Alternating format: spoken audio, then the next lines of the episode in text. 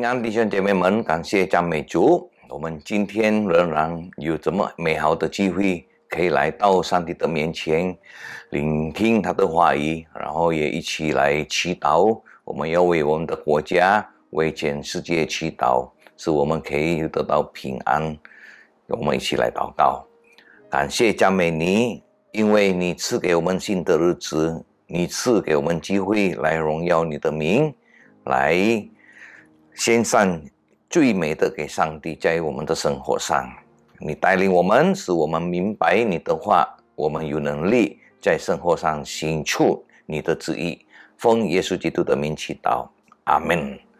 今天的读经是从《使徒行传》二十三章，我们要一起要念，一起来看从十二节到三十五节。我今天。只有读第十五跟十六节，十五节跟十六节。现在你们和工会要指挥千夫长，叫他带保罗到你们这里来，假作要详细查考他的事。我们已经预备好了，不等他来到跟前就杀他。保罗的外甥听见他们设下埋伏。就来到营楼里，告诉保罗弟兄姐妹们，我们的生活上，我们正在传福音的时候，许多人不喜欢我们这样做。我们看从这里二十三章，保罗已经被抓了，他要被法庭查考他的是有什么错误。但是我们看许多犹太人，他们不忍耐。他们不要等这个法庭来做决定，他们要做，他们自己要做决定。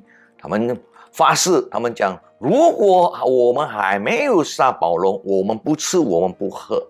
然后他们到祭司长面前，我们他们去找长老，他们做一个计划，他们一个有阴谋。他们讲：喂，你要叫告诉千夫长带保罗来这里，我们要审问他。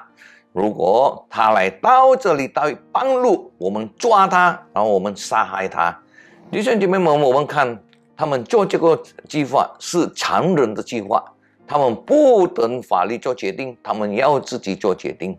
他是感谢主，我们的上帝是无所不知的上帝，他知道这个计谋，他让保罗的外甥听了这个计划，然后保罗的外甥。去告诉保罗，保罗去告诉这个百夫长，百夫长然后去见千夫长，告诉他，然后这个千夫长他知道，他明白保罗是罗马人的罗马人，罗马国之民，所以他要按照罗马的法律来审判保罗啊。所以我们看，为因为这个保罗已经知道了这个啊计划。然后这个千夫长帮助他啊离开耶路撒冷。首先，他们到这个安提巴迪，然后从安提巴迪又带保罗到凯撒利亚去。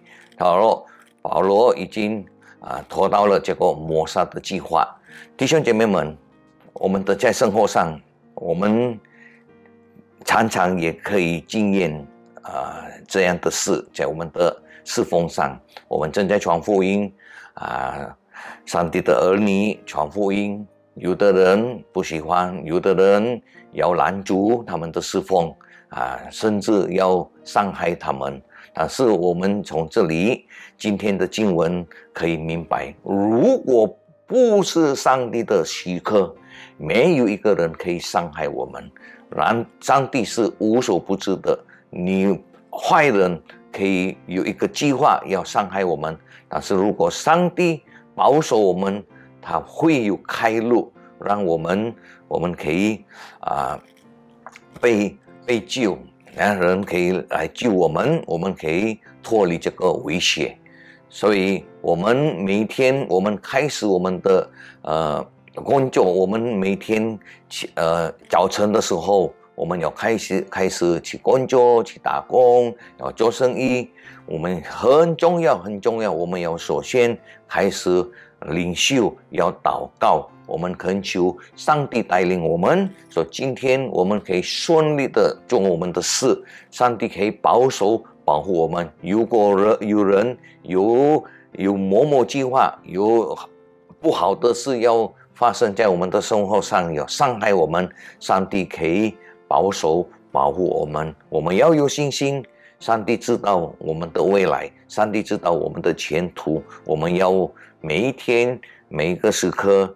跟上帝一起同行，感谢主，我们的上帝是复活的上帝，他是无所不知的上帝，他掌管我们的明天。感谢赞美主，我们一起祷告。主耶稣，我们知道你是无所不知的上帝，明天发生什么事在我们的生活上我们不知，但是我们知道。你掌管明天，所以上帝，我们来到你的面前，恳求你带领我们，在我们生活，我们正在做圣工的时候，我们正在侍奉你的时候，我们正在传扬你的信息的时候，你带领，你保守，你保护我们。啊，今天我们要为宣教师，他们在各处各地正在传福音，你保守，你保护他们。